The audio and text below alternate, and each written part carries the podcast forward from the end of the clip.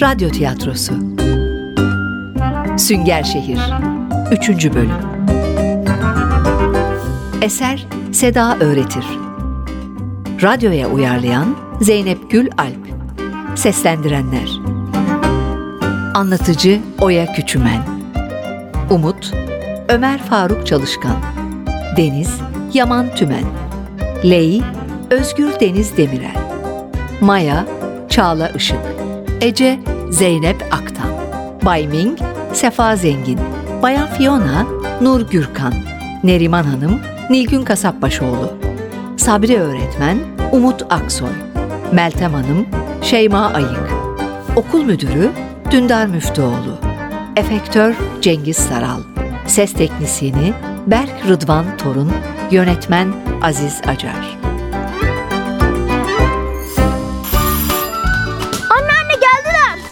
Deniz koşup kapıyı açtığında Lee'yi anne ve babasının ortasında gülümserken buldu. Misafirler içeri girdikten sonra Umut Bay Ming'e döndü. Bize sünger şeyleri anlatacaktınız. Bu konuyu konuşacak en doğru kişiler annem ve babam. Çünkü şehircilik üzerine çalışıyorlar. Hem burada hem de Çin'de. Vay canına. Farkında mısınız? Son zamanlarda dünyanın her yerinde acayip hava olayları yaşanıyor. Fırtınalar, kasırgalar, sağanak yağışlar. Hepsi ansızın bastırıyor ve çok şiddetli oldukları için afete dönüşüyor. Tıpkı bugün olduğu gibi değil mi? Televizyona çıkan bir uzman normalde bir yıl boyunca yağan miktarda yağmurun bir günde yağdığını söyledi. Haklısın. Aşırı yağış, çok sıcak hava dalgaları, kuraklık. Hepsi ne yazık ki iklim krizinin birer sonucu. 75 yaşındayım. Böyle yağmur görmedim. Maalesef bundan sonra yine görebilirsiniz. Ama oturup da başımıza gelecek felaketleri bekleyecek değiliz. İşte bu noktada sünger şehirler öne çıkıyor. İyi ama benim kafam iyice karıştı. Sünger şehirler iklim krizini nasıl önlüyor ki? Hayır, sünger şehirler iklim krizini önlemiyor. O konuda yapılacaklar çok başka. Sünger şehirler iklim krizi sonucu oluşabilecek selleri engelliyor. Şimdi gözlerinizi kapayın ve bir şehir hayal edin. İçinde bolca yeşil alan olsun. Yani o şehrin her yerine parklar, bahçeler koyun. İşte o parkların, bahçelerin zemini süngere benzeyecek. Suyu sünger gibi çekecek. Apartmanların, evlerin teraslarına da benzer şekilde yeşil alanlar koyun bakalım. Umut, Deniz ve Neriman Hanım gözlerini kapatıp Lee'nin anne ve babasının direktifleri doğrultusunda bir şehir hayal ettiler. İyi ama benim şehrimdeki parkta yürüyüş alanları, bisiklet yolları var. Bunların zemini de sünger gibi mi olacak? Tam da öyle olacak. Yollar geçirgen maddeden döşenecek ki yağmur suyu yavaş yavaş toprağa karışabilsin. Hatta suyu toplamak için o şehirlerin altına havuzlar, depo alanları yaptık Çin'de. Çok da güzel oldu. Nasıl yani? Parkın altını kazıp su deposu mu koydunuz? Evet, hatta orada biriken suyla da bitkileri, çimenleri, çiçekleri suluyoruz. Böylece hem seli engelliyoruz hem de sudan tasarruf ediyoruz. Bir taşlı iki kuş desenize. Keşke burası da sünger şehir olsaydı. O zaman kimsenin evine su basmazdı. Hiçbir şey için geç değildir. Bunu siz yapacaksınız çocuklar. Kim bilir daha ne fikirler bulacaksınız. Benim sizden umudum var. Yaşlı kadının sözleri biter bitmez Deniz ve Umut birbirlerine baktılar. Sonra aynı anda zıplayarak çak yaptılar. Bulduk! Bulduk! Bulduk hey! Lee ve ailesi neler olduğunu anlamaya çalışıyor. Neriman Hanım bir şey anlamasa da çocuklara ilham vermenin gururuyla gülümsüyordu. Kol kola halaylarına bir süre devam eden ikili yorulup oturduğunda evdekiler merakla gözlerinin içine baktı. Umut hemen açıklamaya girişti. Bu hafta sonu yapmamız gereken önemli bir ödev için fikir arıyorduk.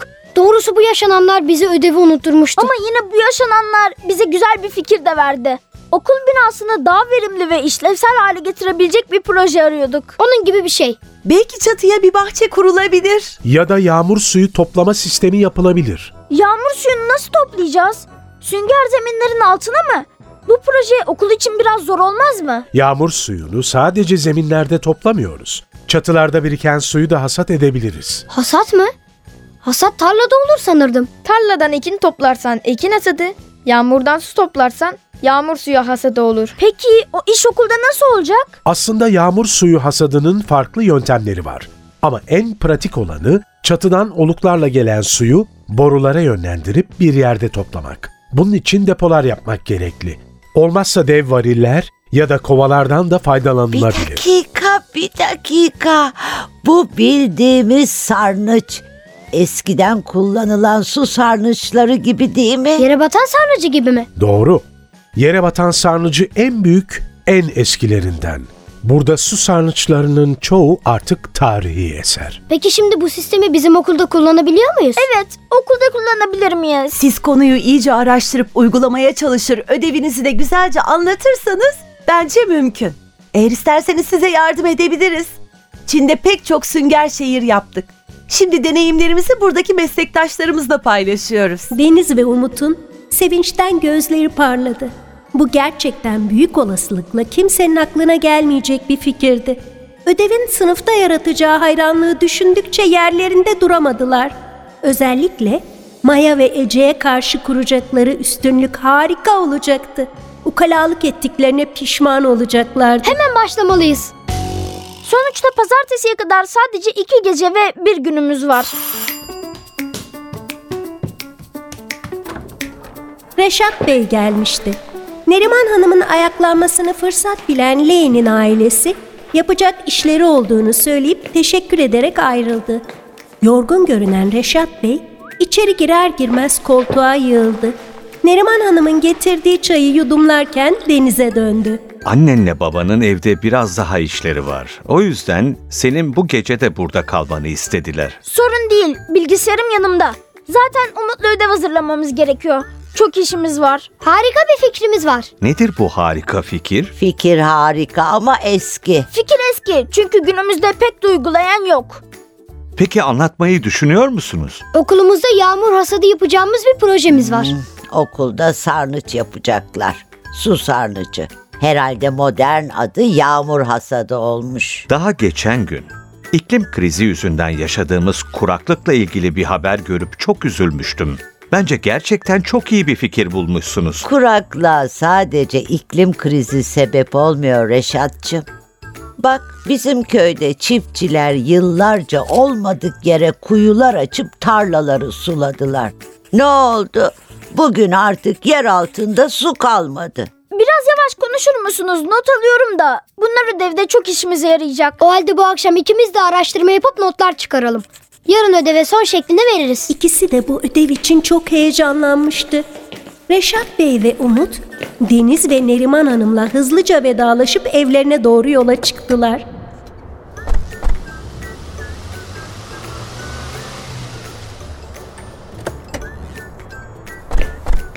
Neriman Hanım hemen yatakları hazırlamaya girişti. Deniz de bu sırada şimşeye mama verdi, suyunu tazeledi. Deniz anneannesinde kalmaya bayılırdı. Onun kendine özgü düzeninden bir tek denizin karıştırmasına izin verdiği büfesinden, mutfağındaki değişik lezzetlerden çok hoşlanırdı. Deniz onda kaldığında karşılıklı kanepelerde yatarlar, uykuya dalana kadar da anneannesinin ifadesiyle bıdı bıdı yaparlardı. İkisi de iyice yorganlarını üzerlerine çekip yatağın o tatlı serinliğine kendilerini bıraktılar. Deniz'in göz kapakları ağırlaşmıştı. Buna rağmen sordu. Bıdı bıdı yapmayacak mıyız anneanne? Zor bir gün oldu. Hemen uyuyup dinlenmeye bakmalısın. Deniz daha rahat bir pozisyon için olduğu yerde dönerken artık iyice kapanmaya yüz tutmuş gözleri gece lambasına takıldı. Daha doğrusu anneannesinin gece lambası olarak kullandığı küçük minik maketi. Anneannesi bir Safranbolu gezisinde satın aldığı ev şeklindeki gece lambasını çok severdi. İçerideki sarı ışık evin bütün pencerelerinden eşit oranda ve tatlı tatlı dışarı sızardı. Deniz her gelişinde ona bakarak hayaller kurar ve öyle uykuya dalardı. Ama bu kez hayal kurmadı. Aklından bir hayal değil, bir plan geçerken uykuya daldı.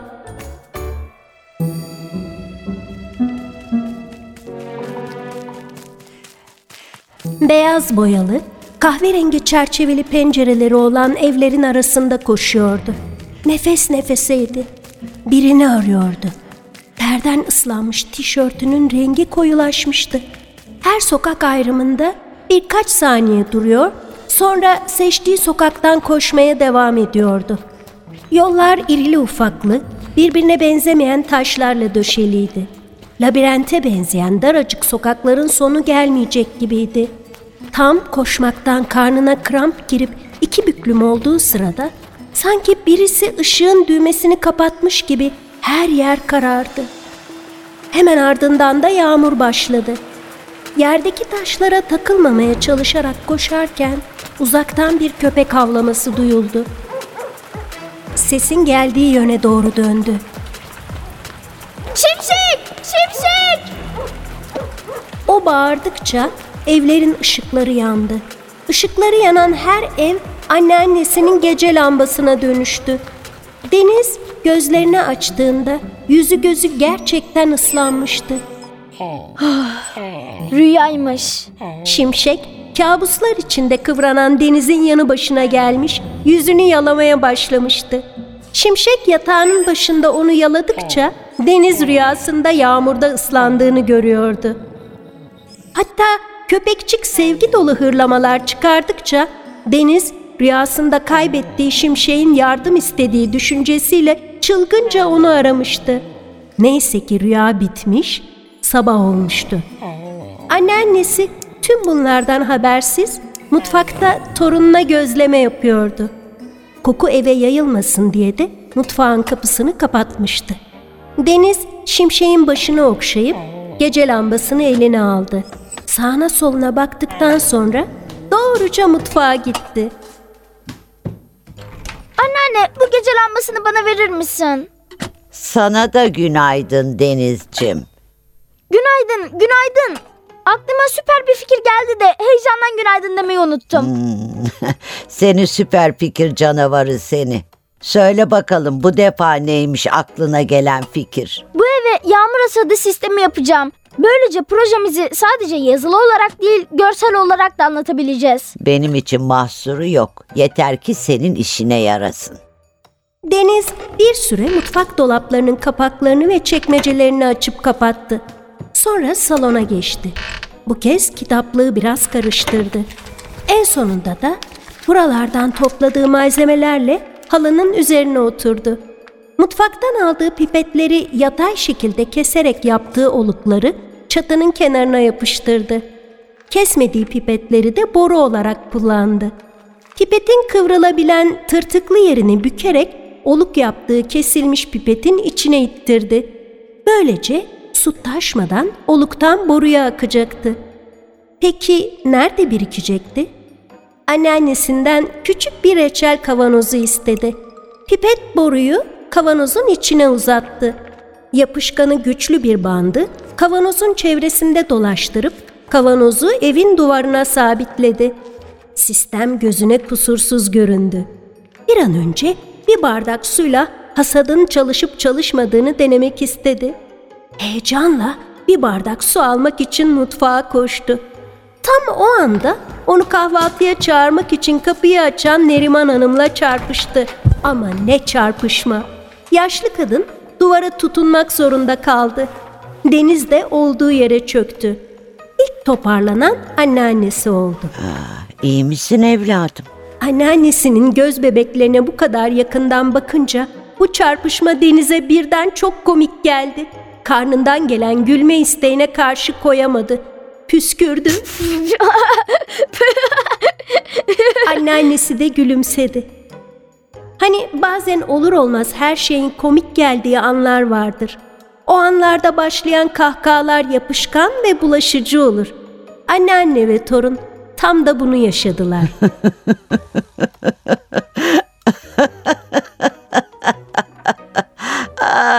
uzun uzun güldüler. Sonra da kalkıp kahvaltılarını yaptılar. Onlar daha masadan kalkmamıştı ki zil çaldı. Gelen Ley'di. İçeri girip de halının ortasındaki Safranbolu evini görünce atıldı. Ben buraya gittim. Çok güzel bir yer. Bir lokum yedim. Tadı hala ağzımda. Tadı damağımda diyecektin herhalde. Evet evet. Tadı hala damağımda. Hele bir güllüsü vardı. Vay canına. Gece lambası eve yağmur hasata sistemi yapmışsın. Şahane olmuş. Çatıya su döküp denedin mi? Yok tam deneyecektim ki anneannemle çarpıştık. Sonra da kahvaltıya oturduk. Hadi birlikte deneyelim. Anneanne! Hani su püskürtmek için sprey şişeler oluyor ya. Onlardan var mı sende? Var var. Çiçeklerimin yapraklarına kullanıyorum. Dur, dur da getireyim.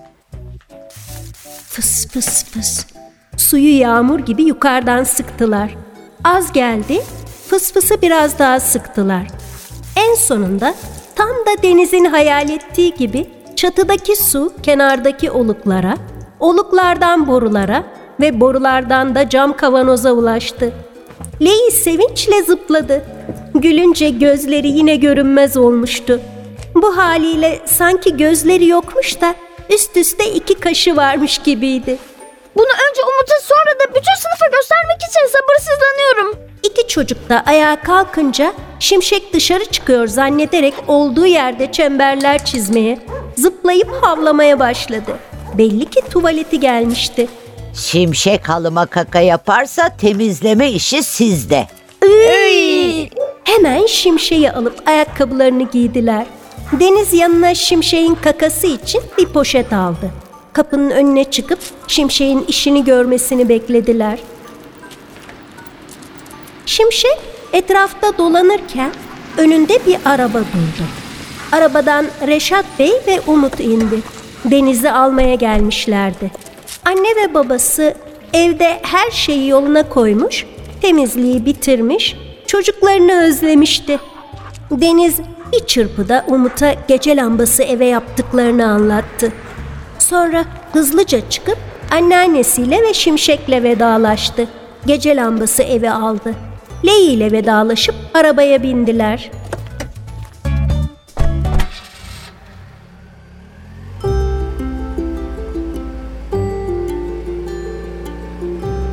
Caddelerdeki su yerini tamamen çamura bırakmıştı.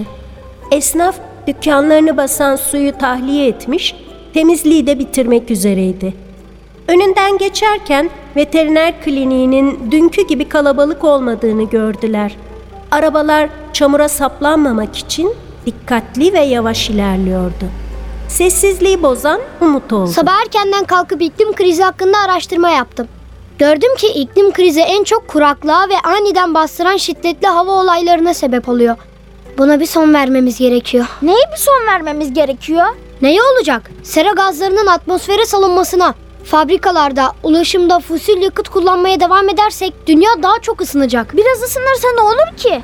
Kışın daha az üşürüz işte. Fena mı? Oho! Öyle olmuyor işte akıllım. O birkaç derece ısınma orman yangınlarının artmasına, göllerin kurumasına, buzulların eriyip deniz seviyelerinin yükselmesine sebep oluyor. Şu yaşadığımız sellerin sürekli olduğunu bir düşünsene. Deniz'in kafası karıştı. Hala anlamadığı bazı noktalar vardı. O yüzden hazır arkadaşı bu konulara çalışmışken ona sormaya devam etti. Peki azaltılması gereken şu sera gazı nedir? Benim bildiğim seralarda sebze meyve yetişir. Onlardan çıkan gaz mı bu? Hayır, sera gazı meyve sebze seralarından çıkmıyor. Ama aynı yiyecek seralarının içinin ısınması gibi yeryüzü de sera gazları yüzünden ısınıyor. Yani meyve sebze serasındaki duruma benzediği için adına sera gazı demişler. Peki hangi gazlar bunlar? Neden çoğalıyor? Nasıl dünyamızı sera gibi ısıtıyorlar? Umut tüm bu konular hakkında daha bu sabah okuduğu ve bazı kısa belgeseller izlediği için yanıtlar aklında taptazeydi. Deniz'in kendisine sorular sormasından da çok hoşlandı. Defterini çıkardı, sesine hafifçe öğretmen havası vererek okudu. Karbondioksit, metan ve azot oksit sera gazlarıdır. Benim anladığım aslında bu gazlar atmosferde zaten var. Sorun insanların bunları çoğaltmasında. İyi de ne yapıyoruz da bu gazları çoğaltıyoruz? Bravo, mükemmel soru. Burada karşımıza fosil yakıt çıkıyor. Peki fosil yakıt ne? Hemen sen sormadan ben söyleyeyim. Kömür ve petrol. Anladım. Biz fabrikalarda ulaşımda kömürü ve petrolü kullandıkça sera gazı oluşuyor. Sera gazı da yükselip atmosferi kaplıyor. Tam da bu yüzden güneşten gelen ışınlar geri yansıyamıyor. İçeride kalan güneş ışınları dünyayı ısıtıyor. Bir, seranın ısınması gibi. İçinde olduğumuz bu arabanın çalışması için kullandığımız yakıt yüzünden Şu an biz de sera gazı salınımını çoğaltıyoruz. Keşke arabamız elektrikli olsaydı. Elektrikli arabalar giderek fazlalaşacak. Hatta gün gelecek benzinle çalışan araba üretilmeyecek. Ülkeler anlaşmalarla sera gazlarını azaltacaklarına dair birbirlerine söz veriyorlar. En önemlisi de Paris İklim Anlaşması. Bunu Türkiye dahil dünyada pek çok ülke imzaladı. Amaç sıcaklık artışının 2 dereceyi geçmesini engellemek. Ne zor bir iş değil mi? Dünyadaki herkesin yapması gerekenler var. Öyle ama başka çare yok gibi görünüyor. İyi de derste bunları anlatırsak ödevin amacından uzaklaşmış olmaz mıyız? Haklısın. O yüzden sera gazlarını nasıl azaltacağımızı anlatmayacağız. Sunumumuzun merkezinde okul binasının verimliliği olacak. Deneylerle de direkt sonuca varacağız. Onlar sunumla ilgili planlamalarını yaparken oturdukları apartmanın önüne geldiler. Reşat Bey arabayı park etti. Deniz evlerine koştu. Aklında evlerinin geçen günkü ıslak hali vardı. Bu yüzden kaygılıydı. Anne ve babası onu kapıda bekliyordu. Zor geçen iki günden sonra yorgun düşmüşlerdi. Ama gülümsüyorlardı.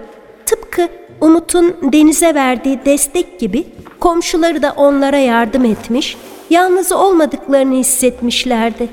Birlik ve dayanışma duygusu sıcacık bir battaniye gibi sarmıştı hepsini. Ailecek kucaklaştılar. Deniz onlara hemen ödevden söz etti. Akşam olmadan ödevlerini yazıp Sabri öğretmene e-posta atmaları gerekiyordu. Projeler yarın sınıfta sunulacaktı. Deniz ve Umut yazılı sunuma ekledikleri deneyle öne çıkacaklarına inanıyorlardı. Ödevi yazma işini Umut üstlendi. Zaten sabah araştırma yaparken bir taraftan yazmaya da başlamıştı. Deniz de deneyi yapacaktı.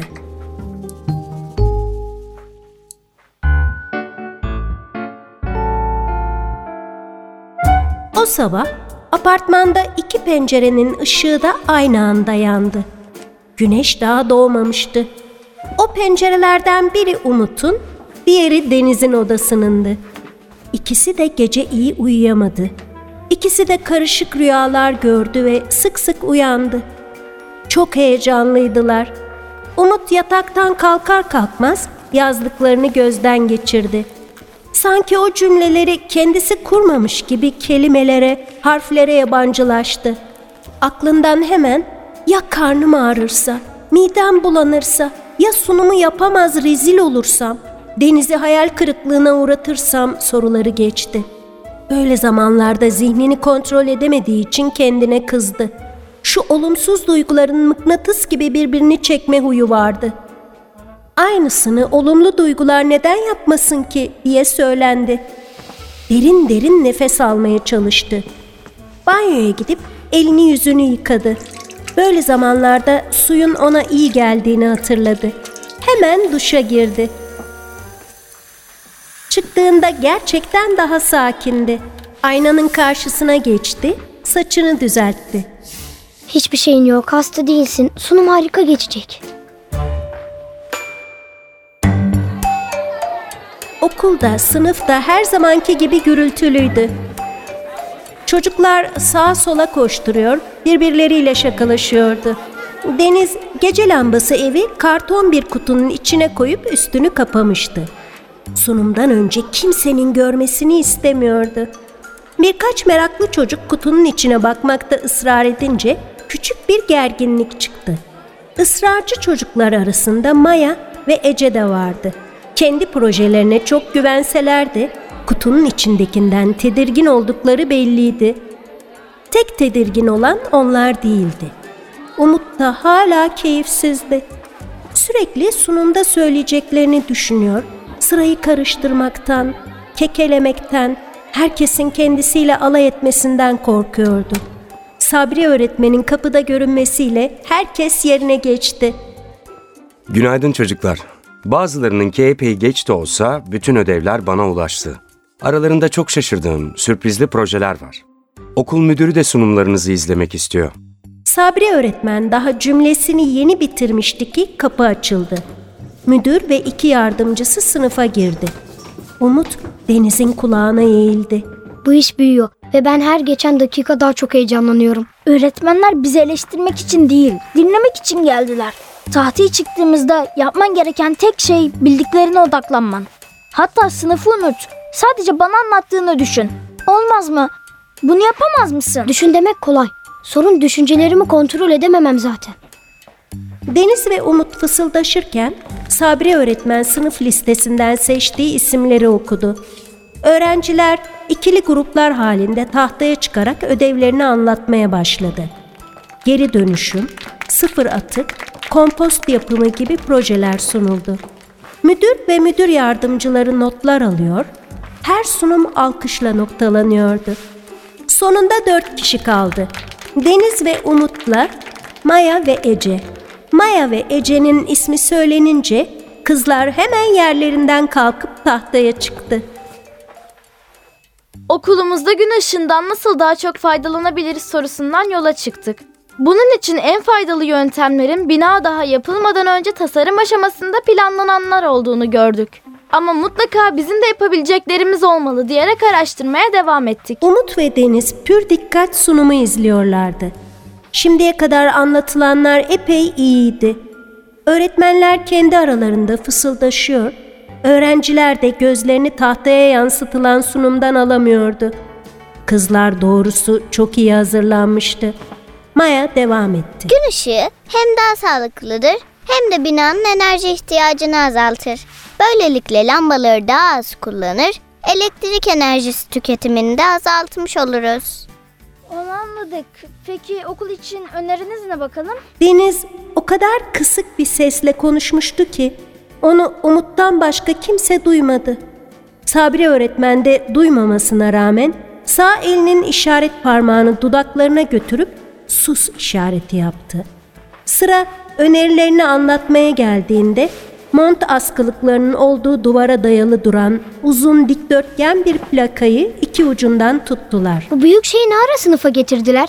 Kimse fark etmeden oraya koydular. Bu kızlar gerçekten çok akıllı. Gün ışığından yararlanmak için okul binamıza maliyeti düşük iki yöntem öneriyoruz. Bunlardan ilki ışık rafı. Buna benzer yansıtıcılı bir rafı camın içeriden yerleştiriyoruz. Öğretmenler araya girerek rafı kızların elinden aldı.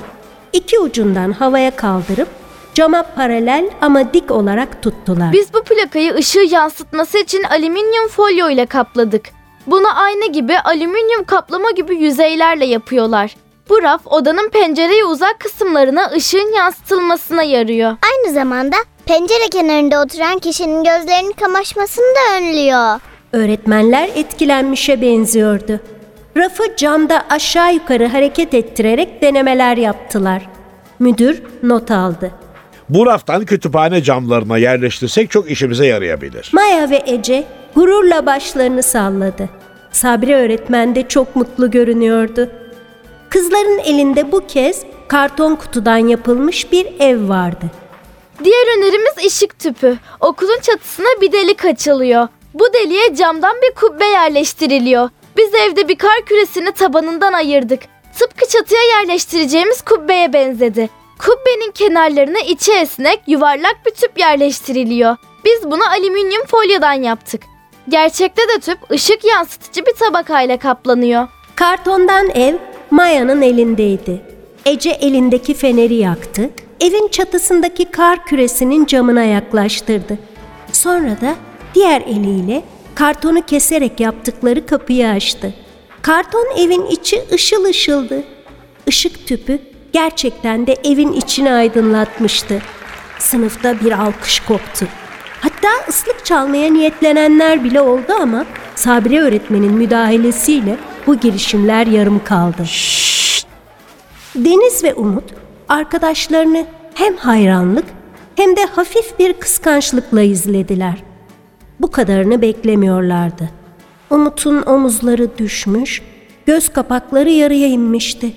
Deniz arkadaşını silkeledi. Kendine gel Umut. Sıra bizde. Artık gösteri zamanı.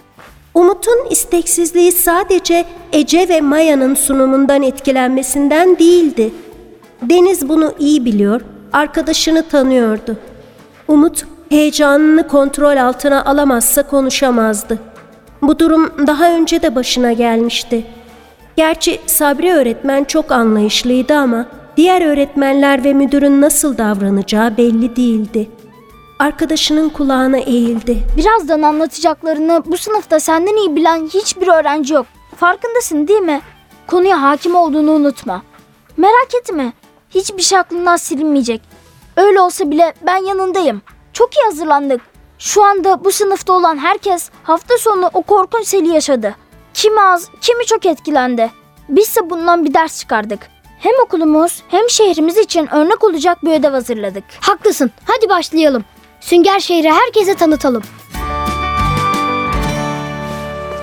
İki arkadaş tahtaya çıktı.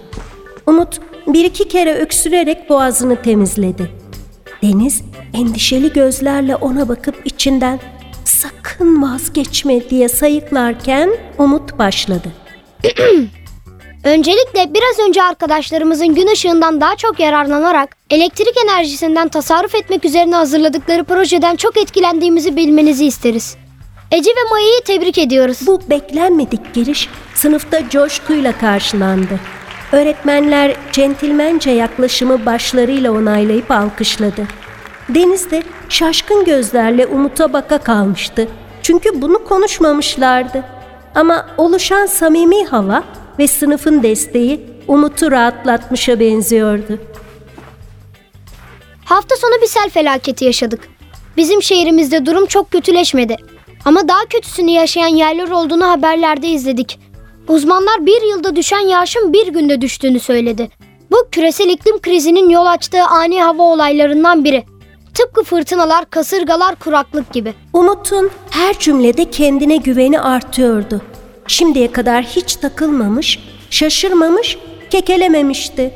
Aynı özgüvenle devam etti. Sanırım aramızda küresel ısınmanın nedenlerini bilmeyen yoktur. Şimdi sizlere küresel ısınmaya yol açan sera gazlarını nasıl azaltacağımızı anlatmayacağız. Fabrikaları ve arabaları çalıştırmak için, evleri ısıtmak için fosil yakıt kullanmamak gerektiği ortada. Biz iklim krizinin sonuçlarına daha hazırlıklı olabilir miyiz diye düşündük ve karşımıza sünger şehir kavramı çıktı. Sonunda Sabri öğretmen kollarını açarak sessizliği sağlamak için araya girdi. Umut da hiçbir şey olmamış gibi anlatmaya devam etti. Sünger şehirde birkaç farklı uygulama aynı anda yapılıyor. Onlardan biri parkların, bahçelerin zeminlerinin tıpkı bir sünger gibi geçirgen malzemeden yapılması. Böylece su yavaşça emilip yer altına iniyor. Hatta bazı yerlerde yer altındaki depolarda toplanıp daha sonra kullanılıyor. Ayrıca apartmanların, evlerin çatılarında teraslar var. Bu teraslar yağmur suyunu kiremitler gibi yukarıdan aşağı göndermiyor, emiyor ve diğer uygulamada yağmur hasadı. İşte bizim okulumuz için önereceğimiz uygulama da bu. Ekin toplarsan tarlada, yağmur toplarsan binada hasadı olur. Umut denize göz kırptı. Tam da bu noktada Deniz gece lambası Safranbolu evini en öndeki sıraya koydu ve fısfısla çatıya su sıkarak anlatmaya başladı. Yağmur suyunu okulumuzun çatısının kenarına yerleştireceğimiz oluklara bağladığımız borularla bir depoda toplayacağız. Sonra depodaki suyu bahçemizdeki bitkileri sulamak için ve okul temizliğini yapmak için kullanacağız. Hatta istersek o suyu sifonlarımıza bile bağlayabiliriz. Bizi dinlediğiniz için teşekkür ederiz. Sınıfta bir alkış tufanı koptu. Alkışlayanlar arasında Maya ve Ece de vardı. Okul müdürü konuşma yapmak için birkaç adım atıp tahtayı ortalarken Umut ve Deniz yerlerine geçti. Ece Deniz'e yaklaştı. Tebrikler. Evimizde kullandığımız suyun neredeyse yüzde kırkının sifon suyu olduğunu okumuştum. Bu gerçekten harika bir proje. Dostça el sıkıştılar. Bu sırada müdür konuşmaya başladı. Okulumuzla ilgili yaratıcı fikirlerinize gösterdiğiniz çabaya hayran kaldım. Sunduğunuz projeler içinde uygulayabileceklerimizi araştıracağım ama bana öyle geliyor ki yakın zamanda okulumuzda hem gün ışığından hem de yağmur suyundan daha çok yararlanacağız. Seçilen projelerin ödüllerini sonra açıklayacağım ama öğrencilerimizin şimdiden pasaportlarını hazırlamalarını öneririm. Sınıf anında yeniden fokurdamaya başlarken Sabri öğretmen tahtaya bir cümle yazdı ve sonuna da göz kırpma işareti koydu. O cümlede uluslararası sürdürülebilir okul yarışması yazıyordu. Radyo tiyatrosu Sünger Şehir Eser Seda Öğretir Radyoya uyarlayan Zeynep Gül Alp. Seslendirenler. Anlatıcı Oya Küçümen. Umut Ömer Faruk Çalışkan. Deniz Yaman Tümen. Ley Özgür Deniz Demirel. Maya Çağla Işık. Ece Zeynep Aktan. Bay Ming Sefa Zengin. Bayan Fiona Nur Gürkan. Neriman Hanım Nilgün Kasapbaşoğlu. Sabri Öğretmen Umut Aksoy Meltem Hanım Şeyma Ayık. Okul Müdürü Dündar Müftüoğlu. Efektör Cengiz Saral. Ses Teknisini Berk Rıdvan Torun. Yönetmen Aziz Acar